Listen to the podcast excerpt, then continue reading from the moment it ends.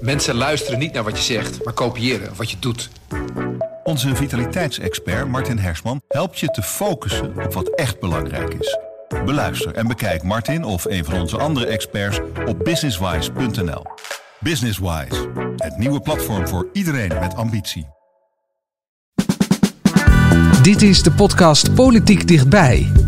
Met Tobias den Hartog en Thomas Brouwer. Na de politieke aardverschuiving van vorige week daalt het stof nu langzaam neer. Bob Koekstra blijft leider van het CDA en het kabinet zoekt naar een antwoord op de winst van BBB. Mooie kans dus om vandaag even weg te blijven van de waan van de dag. Volgende maand viert Willem-Alexander een bijzonder jubileum. Op 30 maart is hij 10 jaar koning van Nederland. In de eerste jaren van zijn koningschap was de positie van de monarchie onomstreden, maar dat lijkt inmiddels niet meer het geval. De relatie tussen het Koningshuis en de politiek schuurt en de populariteit van de Oranjes die neemt af. Hoe heeft dat kunnen gebeuren? Jan Hoedeman schrijft al een kwart eeuw over het Koningshuis. Ook voerde hij vele informele gesprekken met Willem-Alexander en Maxima op Paleis Noordeinde. Dat ging jarenlang goed, tot het fout liep. Vandaag spreken Tobias en ik hem over zijn nieuwe boek... De Achilleshiel van de Koning, Monarchie onder druk.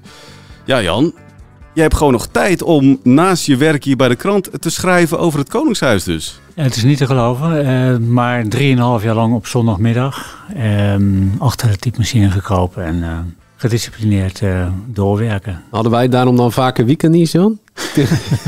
nee, tijdens de weekenddienst ehm, nou, dan moet je een beetje mazzel hebben dat je kan tikken, maar meestal ging het wel goed. Ja, het Koningshuis, dat is wel een onderwerp waar je eh, bekend mee bent. Van 25 jaar schreef je daar dus over. Mhm. Daar heb je zelfs een kleine tik aan overgehouden. Ja, als dat de enige tik was, zou ik er graag goed tekenen. Maar um, de tik waar jij bedoelt is um, dat ik, als ik op de fiets naar uh, Binnenhof ga, of naar de Tweede Kamer, en dat ik, als ik over het Noordeinde rij, altijd kijk of die standaard daar wappert. Dat is de, die oranje vlag boven Paleis Noordeinde. Want als die wappert? Dan is die thuis of uh, in Nederland. En als die niet wappert, dan is die dus niet in Nederland. Maar ik schiet daar geen bal mee op. of ik dat weet of niet. Ja, misschien geeft het je een veilig gevoel dat het staatshoofd uh, waakt over Nederland. Uh, ja, wellicht. Tegendeel kan je, kan je ook nog iets van zeggen. Was die vandaag thuis? Um, ik ben er niet langs gefietst. Vandaag met de tram.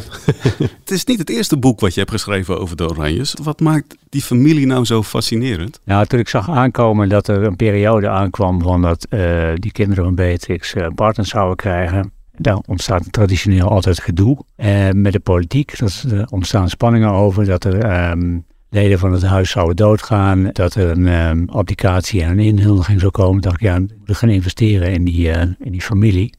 Het is de moeite waard, want er gaat nieuws uitkomen.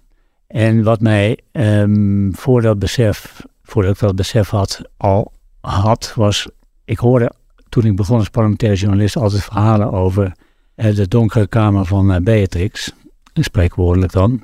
Een minister gaat daar naartoe twee keer per jaar. Daar gebeurt iets, niemand heeft daar controle op. En die minister vertrekt en er wordt wel of niet iets aangepast aan het beleid. Die invloed dat vond ik mateloos fascinerend. De invloed van Beatrix op de politiek. Ja. Na Beatrix heb je die familie dus 25 jaar gevolgd. Heeft dat nou van jou een enorme oranje-fan gemaakt? Of ben je republikein geworden? De truc is dat je nooit zegt in welk hokje je zit. Dus dat ga je nu ook niet doen? Dat ga ik nu ook niet doen, want als politiek journalist, als je, stem, als je zegt ik stem op, uh, ik noem maar iets geks. Uh, nee, dat noemen we niet.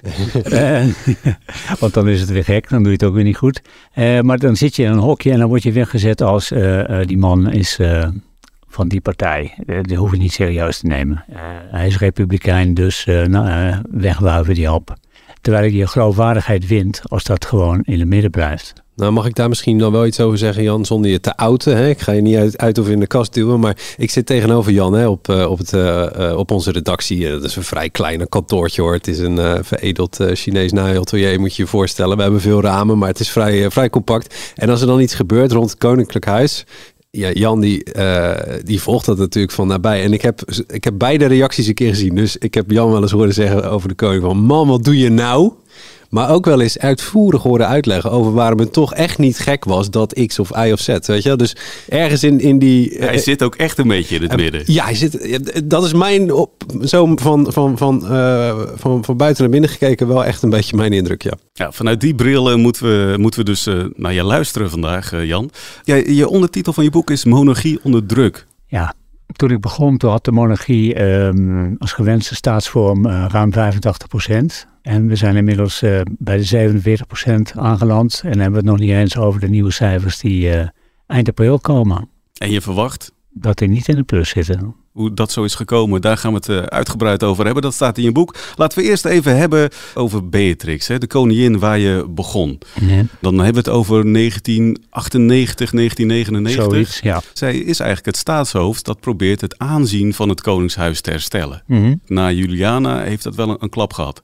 Zeker, hè? dat was haar missie. En ehm, daar is ze ook gewoon in geslaagd. Het, ze heeft dat goed gedaan. Ze heeft geen, uh, geen potje ervan gemaakt. Uh, haar ouders deden het wel. En zij wilde een soort bedrijf maken van, uh, van die monarchie. Het professioneler aanpakken, geen flauwekul. Werkbezoeken tot in het treuren voorbereiden. ministers die daar op bezoek gingen, die hadden het idee dat ze examen moesten afleggen.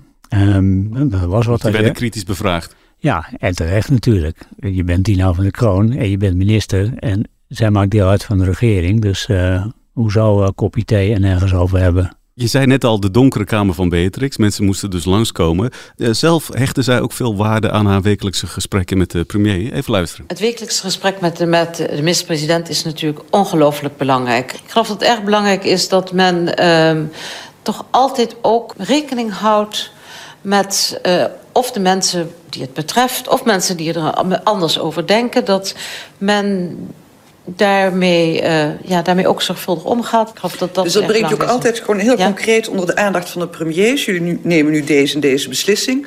Maar besef je wel dat deze groepen niet gehoord worden... of daar wellicht de dupe van Nou, worden? meestal gaat het, gaat het vanzelf. eh zal een premier er zelf ook aan denken.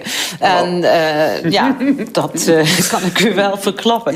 Maar, ehm, maar eh, soms heb je zelf te zorgen of wel iets ehm, ja, eh, helemaal eh, gaat zoals eh, het zou moeten.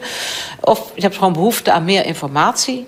Of inderdaad aan dit of dat is gedacht. Of, of men misschien ja, toch nog eens moet luisteren naar een stem vanuit de ene of de andere hoek. Ja, Jan, hoe luister jij hier nou naar? Ja, ik moest een beetje lachen, omdat ik die, eh, die stem al heel lang niet meer heb gehoord. En eh, totaal anders is dan die van het huidige staatshoofd. Die eh, daarmee dus ook zijn eigen stijl heeft ontwikkeld. Iets, iets minder afstand. En ehm, Het is een beetje archaïs, hè? Dit, ja, dit is inderdaad een staatshoofd dat boven het volk staat. ja, ja. Over haar invloed, hè? Jij, beschrijft in een van, die, een van de passages in het boek ook dat Van Mierlo op een gegeven moment, D66-geleider van Mierlo, bij, bij Beatrix komt. En dat eh, hij eigenlijk niet zo heel erg aanstuurt op een kabinet van PvdA, CDA, D66, mei 94. En dan eh, citeer je eh, in jouw boek, schrijf je dan dat Beatrix zegt van wilt u het land soms onbestuurbaar houden? Het vaderland wacht op u, meneer Van Mierlo. Dat is wel vergaande politieke inmenging, toch? Hè? Dat is meer dan vragen naar een beetje aandacht voor deze of gene groep. eh. Zeker, ze zet hem weg en ze, ze verpersoonlijkt daar eigenlijk de macht. Zij- was into het CDA. Eh, Zij was met generatiegenoot Lubbers eh, enorm close. Zoals Rutte en Alexander het nu ook samen doen, ze- deden zij dat toen samen. En, en ze vond dat Vermierlo eh, ja, eigenlijk geen recht had om, eh, om het CDA erbuiten te houden. Ja, maar dat, het is eigenlijk, want hè, het staatsover wordt eigenlijk eh, een soort van onpartijdig geacht te zijn, maar dat is, dat is het de facto dus. Nou, kijk, zij mag, zij mag duwen, zij mag eh, waarschuwen, zij mag aanmoedigen. Ehm, dat mag je doen. Eh, alleen Mierlo die heeft gevonden dat zij over de rand ging met, Ja. deze, met deze acties. Omdat ze te veel duwden, Ja, te veel stuurden. ja we- Van Mierlo werd ook beledigd. Beatrix zou hebben gezegd eh, dat hij wel veel woorden gebruikt, eh, maar eigenlijk niks zegt. Eh, dat, dat was zeker wel eens het geval bij Van Mierlo. en, en tijdens die martelsessie bij Beatrix vermoedelijk ook. Ehm, maar goed, ja, dat vond hij niet leuk. Want hij, eh, hield niet van kritiek en Beatrix ook niet. Dus Dat werden geen vrienden. Die invloed die zij heeft op de politiek, die komt daar ook wel steeds meer op kritiek te staan aan het eind van de jaren negentig. Ja, dat klopt. En er treedt een generatie Kamerleden aan die bij haar op bezoek gaat.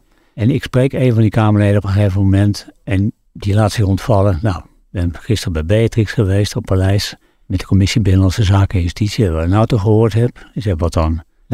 Ze is tegen eh, een referendum van een gekozen burgemeester. Ze vindt dat de pepperspray versneld moet worden ingevoerd. Haar kinderen gaan niet meer stappen in Amsterdam, want daar vliegen de kogels je om de oren. Ze gaan nu naar Londen en Parijs, alsof daar nooit een schot wordt gelost. Um, enzovoort, enzovoort. En ik kon het eerst bijna niet geloven. toen ging ik eens kijken wie er in de commissie uh, Binnenlandse Zaken en Justitie zaten. Er waren er 16. Hebben ze alle 16 langs gegaan. Uh, en acht daarvan die hebben off the record gesproken. En op basis daarvan kon ik een mooie reconstructie maken van wat daar gebeurde achter de paleismuren. Ja, en toen ging de alarmbellen af. Ja, minister-president Kok uh, die noemde mij een rapporteur van onfatsoen tijdens de wekelijkse persconferentie. De RVD belde na de persconferentie, uh, Jan, kan dit nu? En ik zei niet vermoedend ja hoor. Dit is buitengewoon slecht voor je carrière. Je hebt ongeschreven regels geschonden.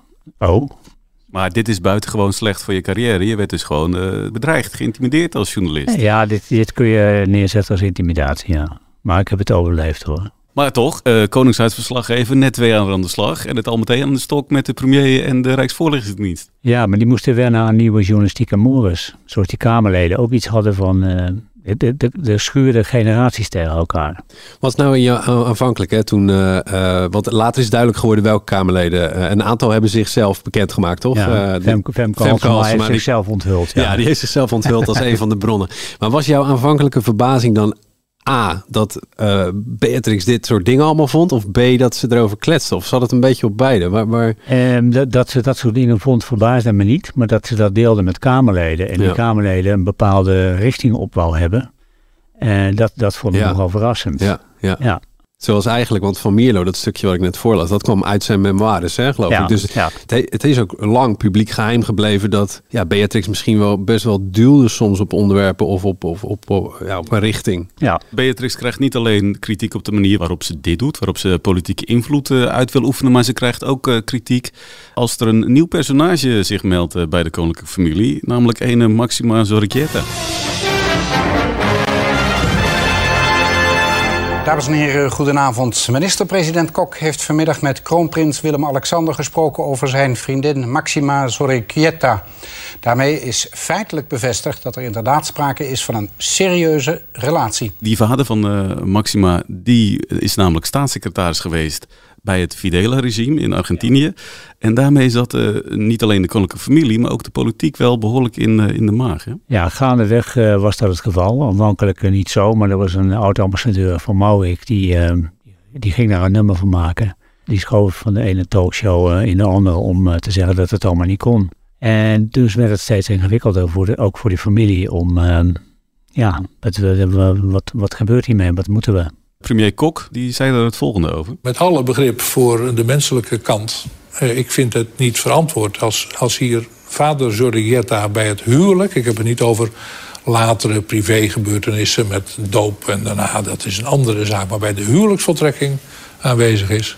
dan werpt dat, naar mijn stellige overtuiging... niet alleen een schaduw over het huwelijk... maar dan gaat dat diepe sporen trekken in de Nederlandse samenleving... ook in de steun voor het huwelijk, in de steun voor het echtpaar en ook de steun voor het koningschap. Ja, en hier zie je dus dat politiek en koningshuis beginnen te schuren. Want premier Kok wil zeker niet dat die vader erbij is. En Willem-Alexander, de kroonprins dan nog, die wil zeker wel dat schoonvader erbij is. Sterker nog, en dat dispuut is nog niet uitgediscussieerd, uh, als Willem-Alexander Maxima ten huwelijk vraagt. Uh, hij heeft iets van, uh, kan me niet schelen, ongeacht de uitkomst, ik vraag haar ten huwelijk. Ik vind het meisje belangrijker dan de kroon. Want die kroon die stond even op het spel. Ja, uh, er is een dag of veertig geweest na het huwelijksaanzoek waarop Maxima ja heeft gezegd dat niet duidelijk was of die vader nou wel of niet zou komen.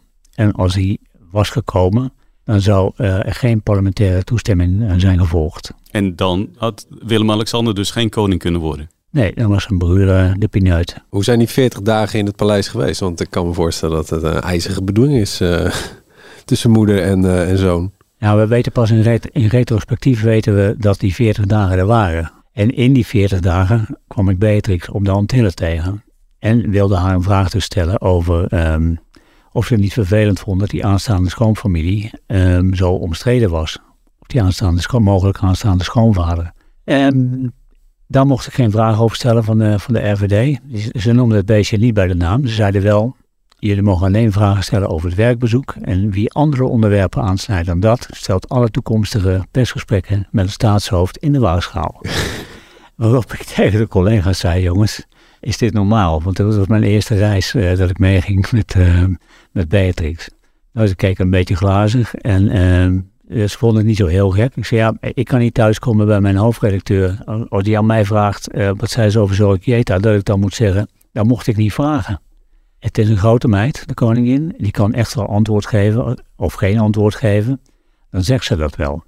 Maar die spanning die was kennelijk zo hoog, heb ik pas later begrepen, dat ze dus ontplofte toen ik die vraag stelde. En dit is even voor de setting, dit is dus dat bekende rijtje verslaggevers en die mogen dan één voor één een vraag stellen. Uh, ja. Stelde jij uh, als eerste op? Want... Nee, nee, nee, de collega's wilden dat ik uh, na een minuut of tien mijn vraag zou stellen. Oh, want als Beatrix dan woedend zou weglopen, bij de eerste vraag, dan hadden ze, hadden geen, ze geen beelden. Ja, ja geen, sowieso geen beelden, maar ook weinig tekst. Hoewel je hier ook wel een verhaal kan, over kan maken ja. natuurlijk. Maar het nieuws werd dus inderdaad Beatrix woedend over zo'n vraag. En wat zei ze letterlijk? Dit hadden we niet afgesproken. Oh. de koningin weigert dus te antwoorden. De RVD die uh, eigenlijk is die weer je aan het intimideren als journalist. Want als jij die vraag durft te stellen, dan zal het wel eens impact kunnen hebben op de andere werkbezoeken. En of je daar wel bij mag zijn en of je collega's daarbij mogen zijn. Dus je wordt als Koningshuisverslaggever het werken eigenlijk uh, wel bijzonder moeilijk gemaakt. Nou, uh, ik heb toch gewoon mijn werk gedaan en de collega's ook. Dit is gewoon een nieuwe generatie journalisten die, waar, waar het Hof mee kennis maakt en de Rijksvoorlichtingsdienst. Die hebben hele lange tijd kennelijk te maken gehad met sowieso rustige omstandigheden, weinig gedoe. Nou, dan krijg je ook uh, niet veel botsingen. En toen ik in die periode interesse begon te vertonen in verband met allerlei evenementen die eraan kwamen en politieke spanningen, um, ja, dan krijg je te maken met een ander soort uh, journalistiek. Jij moest wel met die, uh, het was op de Antillen, dus je moest ook nog naar huis met het vliegtuig. Heb je nog gedacht, uh, nou, à la het Fidela-regime, ze zetten dadelijk een luik open en ze donderen me eruit van de RVD? Of hoe, nee, was die, hoe was dat? Nee, nee dat, dat, niet, maar er werd wel stemming gemaakt. Uh, ik merkte al vrij snel dat uh, de RVD-functionaris van dienst hebben alle collega's langs ging. We zaten verspreid door het hele vliegtuig. En zei van, ja, wat die Hoedeman heeft gedaan, dat kan helemaal niet. Wat, wat vind jij daarvan? En ik, toen in het vliegtuig toen had ik iets van, ja, dit is de eerste keer dat ik meeloop in die, in die oranje kudde. Als we dit laten gebeuren, dan, dan wordt het steeds, gaat van kwaad tot erger. Dus ik heb toen ter plekke het idee opgevat om een vereniging Verslaggevers Koninklijk Huis op te richten. Ook omdat ik vond dat de informatievoorziening vanuit het Koninklijk Huis uh, beroerd was. Wij werden allemaal over één kam geschoren. Uh, met dédain behandeld, want die lui die schrijven maar wat. Maar het risico dat die lui maar wat schrijven is natuurlijk een stuk groter als je ook de serieuze pers uh, geen normale informatie geeft. En de reden van zo'n uh, vereniging Verslaggevers Koninklijk Huis is dat je een informeel podium biedt waar, waarop zij gesprekken kunnen aangaan met ons waarop je elkaar beter leert begrijpen. En dat je off the record informatie gewoon kan verwerken, goede informatie in, uh, in je verhalen. Ja, zodat wat je dan schrijft, dat het klopt. Ja. Deze affaire die, die zorgt voor wat opschudding. Uiteindelijk loopt het toch wel met een, uh, met een sisser af. Geta blijft thuis. Precies. Huwelijk kan door. Koning, koninklijk huis gered. Ja. Willem-Alexander, wilt u Maxima Zorregieta in uw leven als vrouw ontvangen en aanvaarden. In gezondheid en ziekte, alle seizoenen van het leven. In de geest van het woord van God, totdat de dood u scheidt. Wat is daarop uw antwoord? Ja. Dan is onze kroonprins getrouwd. Een jaar na dat huwelijk, dan kom je als voorzitter van die vereniging die je hebt opgericht van Koningshuisverslaggevers kom je voor het eerst langs bij Willem-Alexander en Maxima. Hoe zit dat precies? Nou, ik had uh, namens de vereniging gevraagd, zouden we niet eens een keer kunnen kennismaken? Gewoon voor, voor een achtergrondgesprek met de vereniging. En toen zei de Rijksvoorlichtingsdienst, uh, dat kan wel, maar dan alleen met het bestuur. Want als die hele vereniging komt, 16 man sterk, dan uh, gaat het uitlekken en het loopt helemaal in de soep. Ik zei, nou, daar komen wij niet. Ja, hoezo niet, wou even Brouwers weten. De baas van de RVD zei, nou ja, we gaan niet dik zitten doen met Willem-Alexander en Maxima thuis over de rug van onze leden. Ik zeg, dus we komen om met z'n allen of we komen niet. Ja, maar je ligt bovenop de stapel. Ik zei, nou, doe maar veel onderop. um, toen, een paar maanden later, werd ik gebeld door iemand uh, uit de uh, periferie van Willem-Alexander. En die zei van, je krijgt uh, over een half jaar weer een verzoek. En beschouw dat, uh, dat bezoek van het bestuur dan als een opmaat naar een verenigingsbreed contact. Als een soort eerste verkenning. Ja, we zijn nou met die formule kan ik, uh, kan ik wel thuiskomen. Dus uh, dat hebben we zo gedaan. En dat was heel leuk. Dat was aftastend over en weer. Wat beschrijft dat is dan? Hoe, hoe ging dat? Je, je, ging daar op je, op je fietsje naartoe? Ja, we waren met z'n drieën. Barenda Gruttering van het ANP, Theo Verbrugge van het NOS Journaal en ik. Um, we werden opgewacht, uh, want ze woonden toen nog op het Noordeinde. Uh, we werden daar opgewacht, uh, binnengelaten. Het enige rare was dat er een ovale tafel stond met een, marmeren belletje. Geen mens ter wereld heeft zo'n belletje, maar daar, kon de, de lakij mee worden geroepen. Dat was ook atypisch, want die hebben, die hebben de meeste mensen ook niet thuis. maar verder, verder ging het normaal en was het, uh, was het gewoon grappig over en weer verkennend. Uh, waarom wij bestonden als vereniging, wat we dan wilden, wat was er dan misgegaan. Het verhaal over Beatrix verteld op de Antillen. En op een gegeven moment zegt Willem-Alexander, het lijkt me raar als we uh, elkaar iedere maand ontmoeten, maar twee keer per jaar zou toch moeten kunnen. Toen dacht ik, wat zegt hij nou? dat is meer dan je had verwacht. waarop ik zei, uitstekend idee. En toen zei Willem-Alexander ook nog, nou Marien Brouwers, eh, het kan wel kabinetsformatie wezen, maar dat gaan we gauw regelen. Dus hij kreeg ook nog een duw, uh, de, de RVD. Uh, en zo is het ook gegaan. Wij zijn korte tijd later zijn we in gesprek gegaan met, met het duo. En dat is zeven jaar lang goed gegaan. En van, vanuit jullie perspectief hè, kan ik het begrijpen. Hè? Dat zijn verslaggevers uh, van uh, 16 leden op dat moment, zo'n beetje. Dus dat zijn verslaggevers van verschillende media. jullie belang begrijp ik. Je wil gedegen informatie hebben. Je wil een beetje weten wat er in hun hoofden speelt. En dan kun je, kun je helpen voor hun verhalen. Maar wat was, hoe kwam je achter hun motief om mee te doen? Of, of wat hen had overtuigd om mee te doen? Zij onderkenden dat er weinig goede informatie om de kant op kwam. En dat inderdaad overeen kan met geschoren. Uh, maar ze hadden ook wel een PR-probleem. Uh, Willem-Alexander was bepaald niet populair. Maxima had net haar entree gedaan, die was super populair. Maar in, in aanloop naar het koningschap had hij er nog wel een route af te leggen. Waarbij het handig was als er normale contacten waren met de pers. Heb je ook wel eens gemanipuleerd gevoeld? Of dat je zegt van nou, ze hebben geprobeerd uh, een wit voetje te halen zodat ze beter in de pers kwamen? Of hoe, hoe, hoe ergens op dat snijvlak gaat het misschien een beetje wringen?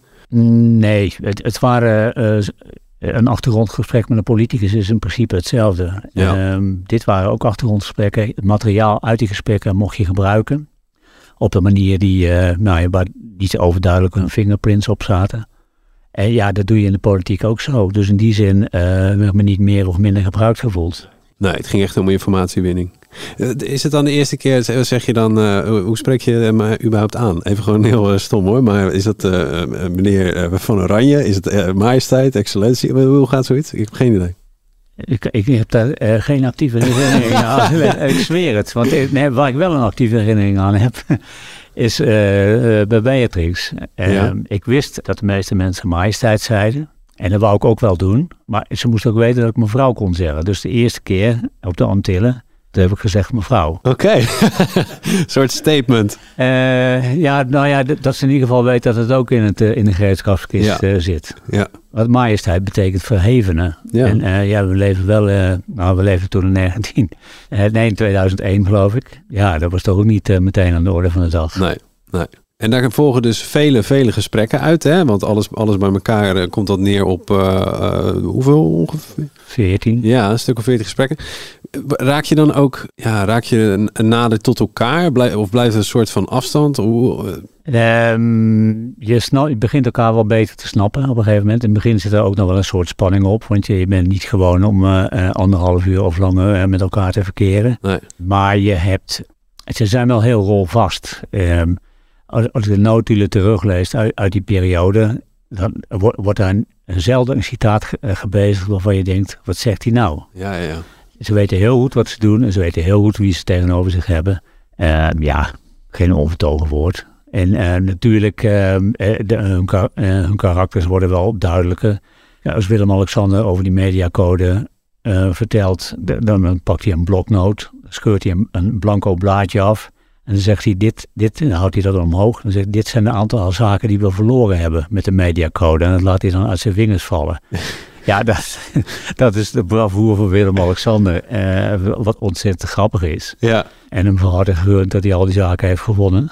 Um, ja, Ik, uh, je leert elkaar beter kennen en het is ook nuttig als je elkaar uh, tegenkomt uh, buiten, die, buiten, die, buiten dat paleis. Ja. Ja. want die, die mediacode, dat is, ik bedoel, dat is iets unieks hè, ter wereld. Ik bedoel, wij, wij hebben gezette momenten waarop de Oranjes mogen worden gefotografeerd en geïnterviewd. Hè. Die kiezen dan af en toe natuurlijk nog een groot interview uit. Maar er zijn momenten, vakanties en skiën en zo. We kennen al die beelden van uh, alle prinsjes en prinsesjes in de sneeuw en zo en op het strand. En buiten dat is dan eigenlijk de afspraak. Uh, niet uh, hen in de media brengen in privé omstandigheden, maar alleen bij werkbezoeken en dergelijke. Dit was dan weer een aparte variant, zo'n off-the-record gesprek. Dan ben je wel eens tegen iets aangelopen dat je dacht van... shit, dit moet de krant in, joh. Nee. Eigenlijk niet. Nee, nee, nee. nee. Ze bereiden zich goed voor. En, en natuurlijk zijn dingen grappig. Uh, neem nou bijvoorbeeld uh, dat Maxima uh, katholiek zou blijven. In het begin was dat onduidelijk. En goed, dat werd ons dan verteld. En dat is de bedoeling dat je hier volgende dag met koeienletters de krant opent met Maxima dubbele punt. Ik blijf katholiek. Uh, maar wel dat je meeneemt in een verhaal over de doop van Amalia. Uh, dat, uh, dat Maxima zich, ver, zich verder verdiept in het protestantisme. Waar ze zin in heeft. maar um, dat ze vrijwel zeker katholiek zal blijven. Ja, ja. nou ja, goed, zo, zo werkt dat dan. En en alle leden konden die subtiliteit opbrengen. Ja. Oh, memorabel als alle journalisten op één lijn. Zeker. Zeven jaar is dat dus uh, een tweejaarlijkse afspraak die naar ieders tevredenheid verloopt. Daar komt wel een einde aan. Ja, als wij beginnen te schrijven over uh, Villa Mozambique. En dat is een vakantiecomplex waar zij uh, een paar percelen hadden gekocht om een vakantievertrek te bouwen. Want de Middellandse Zee, die konden ze al dromen. Ze hadden ze in een, in een andere plek. En ze verkochten het als een soort ontwikkelingshulp. Wat wel heel bijzonder was. Maar eh, wij ontdekten, eh, de pers ontdekte, dat er weerstand ontstond in uh, Mozambique. En we ontdekten ook dat het niet helemaal zonder smeergeld ging. En dat er spanningen waren met de lokale bevolking. En daar werd over geschreven. En daardoor kwam het hele project onder druk te staan. En de politiek ging zich ermee bemoeien. En Willem-Alexander die, eh, die begon steeds moeilijker te kijken als het over dit project ging. En um, uiteindelijk had de pers het gedaan dat het project niet doorging. Ja, dat is dan de kritiek van Willem-Alexander. Ja. Waar baseerde hij dat dan op? Nou, de Telegraaf had stemming gemaakt. Tegen chocoladeletters uh, uh, is niets opgewassen was zijn tekst. En ik had een stuk geschreven over staatsrechtgeleerden die zeiden dat dit geen privéproject was. Maar dat de politiek zich daar tegenaan had te bemoeien. RTL Nieuws had een verhaal gebracht over schotenwisselingen op het, uh, op het perceel met de lokale bevolking. Wat niet waar zou zijn volgens Willem-Alexander. Dus ja, wij waren, wij waren de schuld ervan. En um, dit was uh, dan ook maar meteen de laatste bijeenkomst. Want tijdens die bijeenkomst zijn jullie dus door Willem-Alexander even zo allemaal... De oren gewassen. Precies, van ja luister Jan, dit artikel wat je hier schrijft, dat klopt niet. Dit is ja. niet, uh, niet zoals het is. En oh ja, uh, laten we hier ook maar mee stoppen met deze bijeenkomsten. Nou, het is een hele korte samenvatting, maar daar kwam het wel op neer, ja. Hoe verliet jij toen het paleis? Nou, ik was wel verbijsterd. Dat, je niet, dat hij niet zelf kon zien dat hij daar een rol in had. Namelijk in, op een onmogelijke plek uh, zo'n uh, zo'n perceel aankopen. Met, met allerlei gevolgen natuurlijk. Want er moet, er moet een, er moet een vergat mee voor de veiligheid. er, moet, er moeten mensen mee die, die medisch onderlegd zijn. Het, het is een permanente veiligheidszorg in een, in een, in een ongewis land. Dat, dat wij daar de schuld van zijn, dat is een bijzondere interpretatie. Hij heeft er een jaar of drie over gedaan voordat hij toegaf dat het niet handig was van hemzelf. Maar goed, daarna ben jij niet meer uitgenodigd op het paleis om daar eens even lekker over te gaan uh, babbelen. Nee, dat klopt. Maar dat, uh, deze impliciete erkenning uh, vond, ik wel, vond ik wel volwassen. En nooit, nooit tegenover jullie persoonlijk, denk ik. Jullie hebben dan niet meer na, nadien een woord over gewisseld, denk ik, in persoon. Nee, nee volgens nee. mij niet. Nee, nee, nee. nee. jouw boek heet De Achilleshiel van de, van de Koning.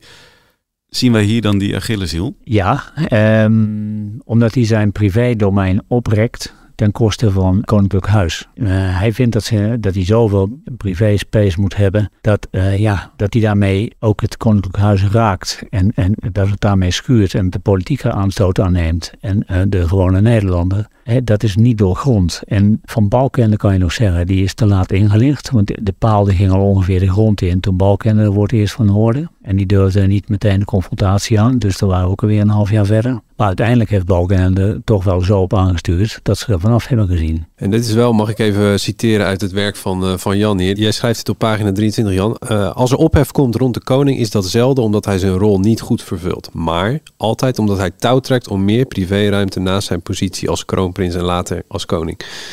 Hier begint het armpje drukken tussen het openbaar belang en de privéruimte van hemzelf. Dat is eigenlijk vanaf Mozambique zou je die, die lijn kun je doortrekken. Daarna hebben we de, de jacht gehad, de, de boot uh, van, mm. uh, van uh, Willem-Alexander, die speedboot. Ja. We hebben het, het jagen op dat kroondomein gehad. We hebben die vakantie in Griekenland gehad rond corona. Daar gaan we het zo nog over hebben. Maar dat is ergens is er dan toch wel een lakai die aan zijn jas trok al ten tijde van Mozambique. Die zei van joh, maar ja, dit gaat zo niet? Of overschatten wij dat soort types dan ook? Uh, wij overschatten dat soort types. Uh, want in die periode zijn er nooit mensen weggegaan uit de entourage van, uh, van de koning. En tenminste van, van de kroonprins toen en van Beatrix. Be zelfs Beatrix heeft het toen verdedigd tijdens een staatsbezoek. Van de, de, pers moet er niet te veel inkleuren. Die ging dus ook gewoon de fout in. Ja, er is dus niemand in staat om boven dat uh, ding te gaan hangen en uh, door te pakken en te zeggen van joh, dit is gewoon uh, niet zo heel erg slim. Hier moet je gewoon mee kappen. Thomas, je noemde net al wat affaires op die inderdaad de revue dan passeren. In het begin eigenlijk van zijn koningschap is Willem-Alexander ontzettend populair. Ja. Maxima ontzettend populair. Ze zitten op het hoogtepunt eigenlijk misschien wel van hun populariteit. Mm -hmm. Misschien dat ze in de corona, het begin van de corona ook nog een beetje zo'n zo'n piekje hebben gehad. Zeker. Maar eigenlijk alles wat de koning doet gaat goed. En dan begint dat te keren. Er komen verhalen over verdient de koning niet te veel? Hoe zit het eigenlijk met de kosten die we verder maken? Uh, we zien beelden van die speedboot. Tobias noemde hem net al. Ja, uh, Maxima zegt daar dit over. Hoge bomen vangen heel veel wind. En uh, alles wat we privé doen, ja, die wordt echt, uh, echt gezien en gesproken. Dus iets dat mijn man heel graag wilde hebben. En, en uh, ik denk dat... ik gun hem wel. Mm -hmm. um, maar dat mag niet afdoen van al het werk dat hij uh, voor Nederland doet. En dat vind ik heel belangrijk echt om te merken. En misschien wat u zegt is ook uh, die evenwicht tussen wat privé wordt voor ons gezegd en het werk die wordt gedaan. Misschien daar, daar komt het uh, niet in een hele goede balans in. Ja, dat is een genadeloos inkijkje aan de keukentafel van de Oranjes. Nou, dit was trouwens een gesprek met Matthijs van Nieuwkerk. Maar zo, zo praten zij daar thuis ook over. Dat kan niet anders.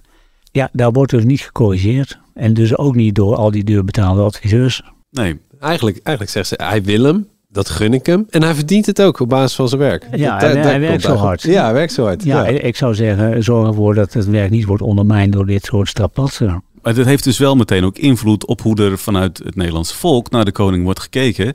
Dat verandert wel weer een beetje ten positief in het begin van de coronacrisis. Dan heb je bijvoorbeeld het verhaal van de koning op de Dam, 4, 4 mei, wat veel indruk maakt, waar hij heel veel lof voor krijgt. Enkele maanden later gaat het alleen mis als blijkt dat het koninklijk paar zich tijdens een vakantie in Griekenland niet aan die anderhalve meter afstand heeft gehouden. Ja, maar, dat is nog niet eens de ramp. Het is uh, trouwens extreem zullig, want Willem-Alexander staat er met een mondkapje in zijn hand. Uh, naast, uh, naast de restaurant-eigenaar. absoluut geen afstand te houden. Maar daarvan kan je nog zeggen, nou, stomme fout. Als het daarbij was gebleven. Maar het bleek de voorbode van nog meer misère. Namelijk? De vakantievlucht naar Griekenland met een regeringsvliegtuig in de week dat uh, de coronacijfers uh, richting plafond gingen en Nederland werd, werd gemaand om thuis te blijven, niet met vakantie te gaan, pakt hij het regeringsvliegtuig en zegt dat op maandag op Paleis Noordeinde tegen Mark Rutte, tussen neus en lippen door. En die laat het, uh, die laat het gaan. Ja, want dat is wat. Rutte die was op Paleis Noordeinde gewoon voor de reguliere maandagochtend werkbespreking. En dan zegt uh, de koning tussen neus en lippen door letterlijk van... nou ja, ik ga met mijn familie naar Griekenland trouwens. Mm -hmm. Rutte heeft dat niet goed getaxeerd, verstaan? Dat weten we eigenlijk nog niet zo, hè?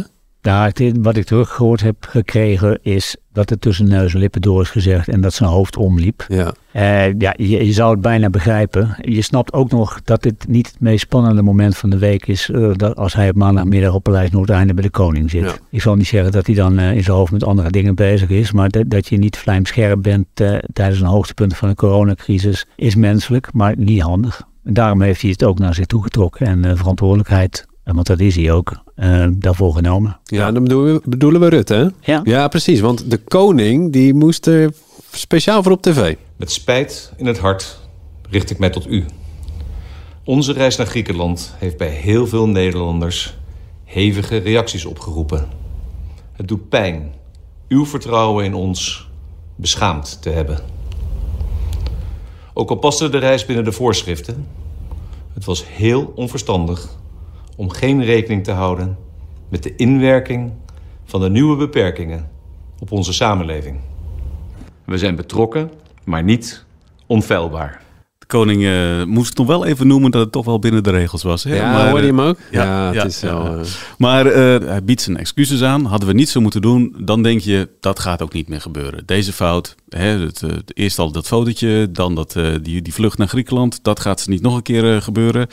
Jan, hoe groot was jouw verbazing een paar maanden later? Enorm. Ik dacht, ja, nee, nee, niet te helpen deze mensen. En die adviseurs wat moet je ermee? En Rutte, die moet zich uh, belazerd hebben gevoeld. Want wat gebeurt er precies? Amalia wordt 18 in de maand dat alle Nederlanders uh, niet meer dan drie of vier mensen op bezoek mogen hebben. En er worden meer mensen uitgenodigd, maar ze ontvangen er 20. En dat gaat dan allemaal, ja, er zit anderhalve meter tussen. Ja, op zo'n paleis heb je natuurlijk ook alle ruimte, maar regel is regel. Hoeveel kinderen van 18 hebben hun verjaardag niet kunnen vieren? En waarom moet Amalia het wel kunnen op die manier? Dat, dan sta je boven de regels, dan sta je boven je, boven je volk op een manier die, je, die je niet moet willen. En dan nog iets, alle vorstenhuizen in Europa die hebben zich normaal weten te gedragen, behalve de Oranjes, tijdens de coronacrisis. Geen bloepers, alleen uh, in de polder. Ja, want bij ons gaat het dus uh, behoorlijk fout. En dat, dat heeft dus ook invloed op de uh, populariteit van de koning. Dat raakte meteen. Ja. Hij lijkt ook niet echt een goede antenne dus te hebben wat dit soort dingen doen. Nee, er zijn drie veiligheidskleppen. Dat is de koning zelf, dat zijn zijn adviseurs en dat is de minister-president. En er hoeft er maar één te functioneren om uh, de ellende tegen te houden. Maar als het alle drie meermalen niet doen, dan krijg je dus gedoe. En kelderen de vertrouwenscijfers met tientallen procenten. Je zegt nu van ja, als je dit doet, dan heb je het idee dat je boven de partijen uh, zweeft. Dat de regels niet voor jou gelden. Is dat ook op andere mo uh, momenten in jouw 25-jarige koningshuiservaringen uh, voorgekomen? Dat je dacht, hé, hey, die Oranjes die, die voelen zich wel echt anders dan, dan de andere Nederlanders. Nou, met Mozambique natuurlijk. Ja. met die schoonvader, gewoon een koningschap op het spel zetten. Die vier, uh, de vier hebben we nog niet genoemd. Hij ging uh, handjes uh, schudden aan de vooravond van een EK-wedstrijd Nederland-Oostenrijk, geloof ik. Ja, dat was zelfs nog dus na de ophef om het feest van Amalia. Is, gaat de koning nog een keer de fout in? Dat was nummer vier. Ja, ja heel apart. Tobias, heb jij daar een verklaring voor? Jij zit ook dicht op de politiek. Ja, nee. Waarom, waarom kan dit misgaan? Is het misschien wel te wijten aan de premier die hem toch ook een beetje in de gaten moet houden? Ja, en ik kan me ook helemaal vinden in wat Jan zegt. Kijk, uh, op de toppen van de coronagolven had uh, Mark Rutte wel iets uh, meer aan zijn hoofd dan de koning babysitten, zullen we maar zeggen. Maar je verwacht dan van hemzelf wat meer, inmiddels wat meer zelfreinigend vermogen. En van de adviseurs wellicht dat iemand zegt van joh, dit is geen, geen goed plan. Maar ja, je kunt je ook voorstellen dat als stel dat hij echt uh, vindt dat hij deze privéruimte verdient, hè, zoals je in die woorden van Maxima ook al hoort. Ja, knappe jongen die hem dan uh, kan dwingen tot iets anders, denk ik ook. Hè? Ik bedoel, als je dan een adviseur hebt, dan uh, denkt hij misschien ook van... ja, dat vind jij wel, maar dat is jouw mening. Ik vind iets anders en ik ben de koning, ja. Nou, dat is ook zo. en dan moet je weten dat ze begonnen met smetvrees, hè. maar later hadden ze dus lak aan corona. Smetvrees, die hadden ze toen... Uh, de, ko de, koning zijn, zijn, toe zijn coronatoespraak moest houden. Niet de excuses, maar uh, gewoon om het volk een uh, hart onder de riem te steken. toen heeft Maxima, de, ze wilde geen visagist toelaten in het paleis. heeft Maxima de spulletjes waarmee Rutte wordt opgemaakt voor, voor het wekelijks tv-gesprek laten aanrukken naar, het, naar het paleis. En heeft zichzelf toen met een kwastje en, en een sponsje... En, en, en Willem-Alexander, ja. Omdat ze bang waren voor corona. En later... Uh, Gaat hij handjes schudden in de Schilderswijk? ja, dan, dan, uh, dan, is een totale middelvinger naar het virus en naar de bevolking. Ja. Ja, en daarmee brengt hij dus ook uh, Mark Rutte en de, en de Nederlandse politiek wel in grote problemen. Die hebben, in, die hebben wel wat anders aan hun hoofd inderdaad. Ja, want dat is natuurlijk het, uh, het interessante. Uh, alles wat uh, de koning met mispeutert, wat politiek gezien explosief is, ja, dat komt op het bordje van, van Rutte terecht. Die is verantwoordelijk. Die is eigenlijk in politieke zin de koning. U bent verantwoordelijk voor de reis geweest. Dus dan heeft de koning in feite zijn excuses aangeboden voor uw gedrag. De eenheid van de kroon werkt zo dat uh, wij over alles hetzelfde zeggen. Uh, dus waar een van ons praat over ik, zeggen we eigenlijk wij. Wanneer hoorde u dat de koning naar Griekenland ging? Daar kan ik u niks over zeggen. Dat valt echt onder de eenheid van de kroon. Ik heb wel uh, uh, beantwoord de vraag of ik ervan wist. En het antwoord ja, ik wist ervan. Maar wanneer ik ervan wist en wat heb ik dan geadviseerd en wat zei hij toen. Al dat soort zaken vallen onder de eenheid van de kroon. Daar kan ik nooit iets over zeggen. Hij kan er niks over zeggen, maar het raakt hem dus wel.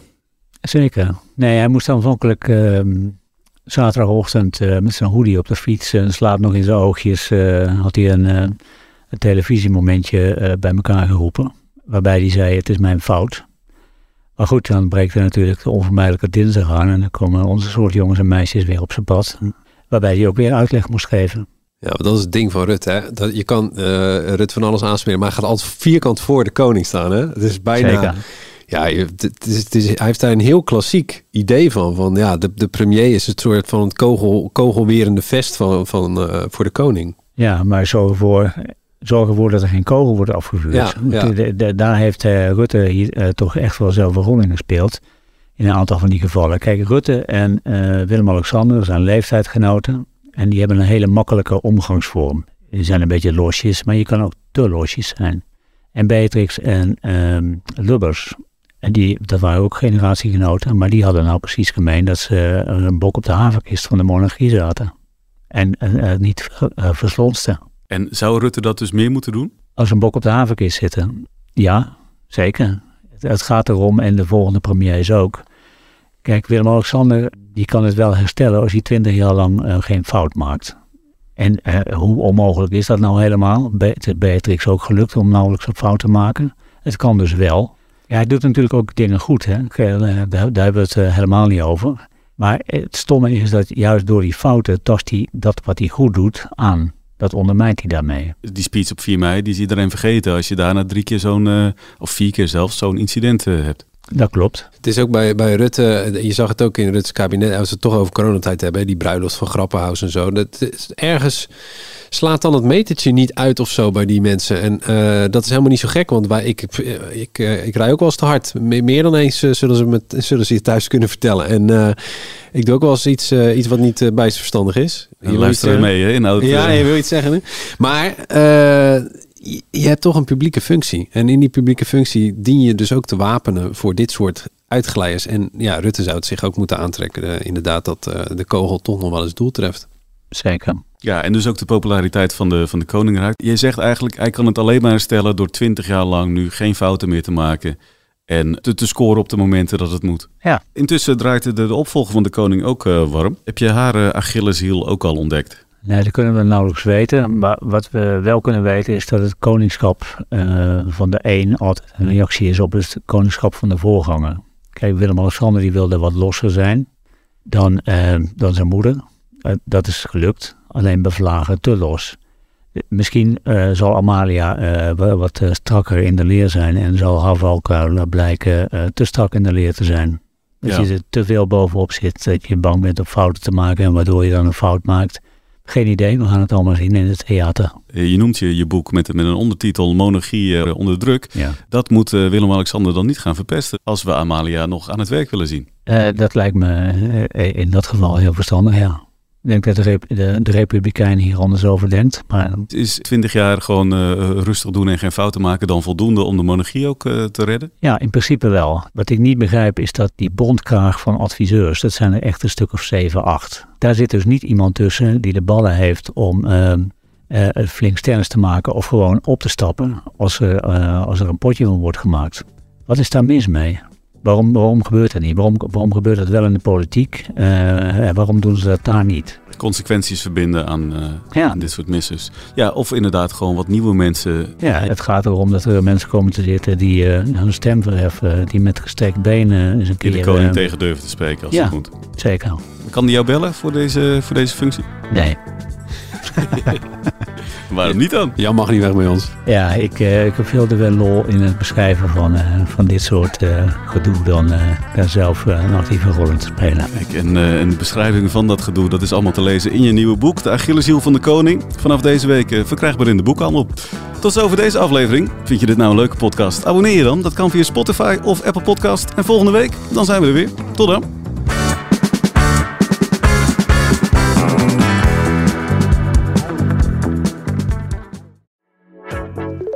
Goede spreker herken je aan de Q&A aan het eind. Onze lifehack-expert Martijn Aslander geeft je adviezen waar je echt wat aan hebt. Beluister en bekijk Martijn of een van onze andere experts op businesswise.nl. Businesswise, het nieuwe platform voor iedereen met ambitie.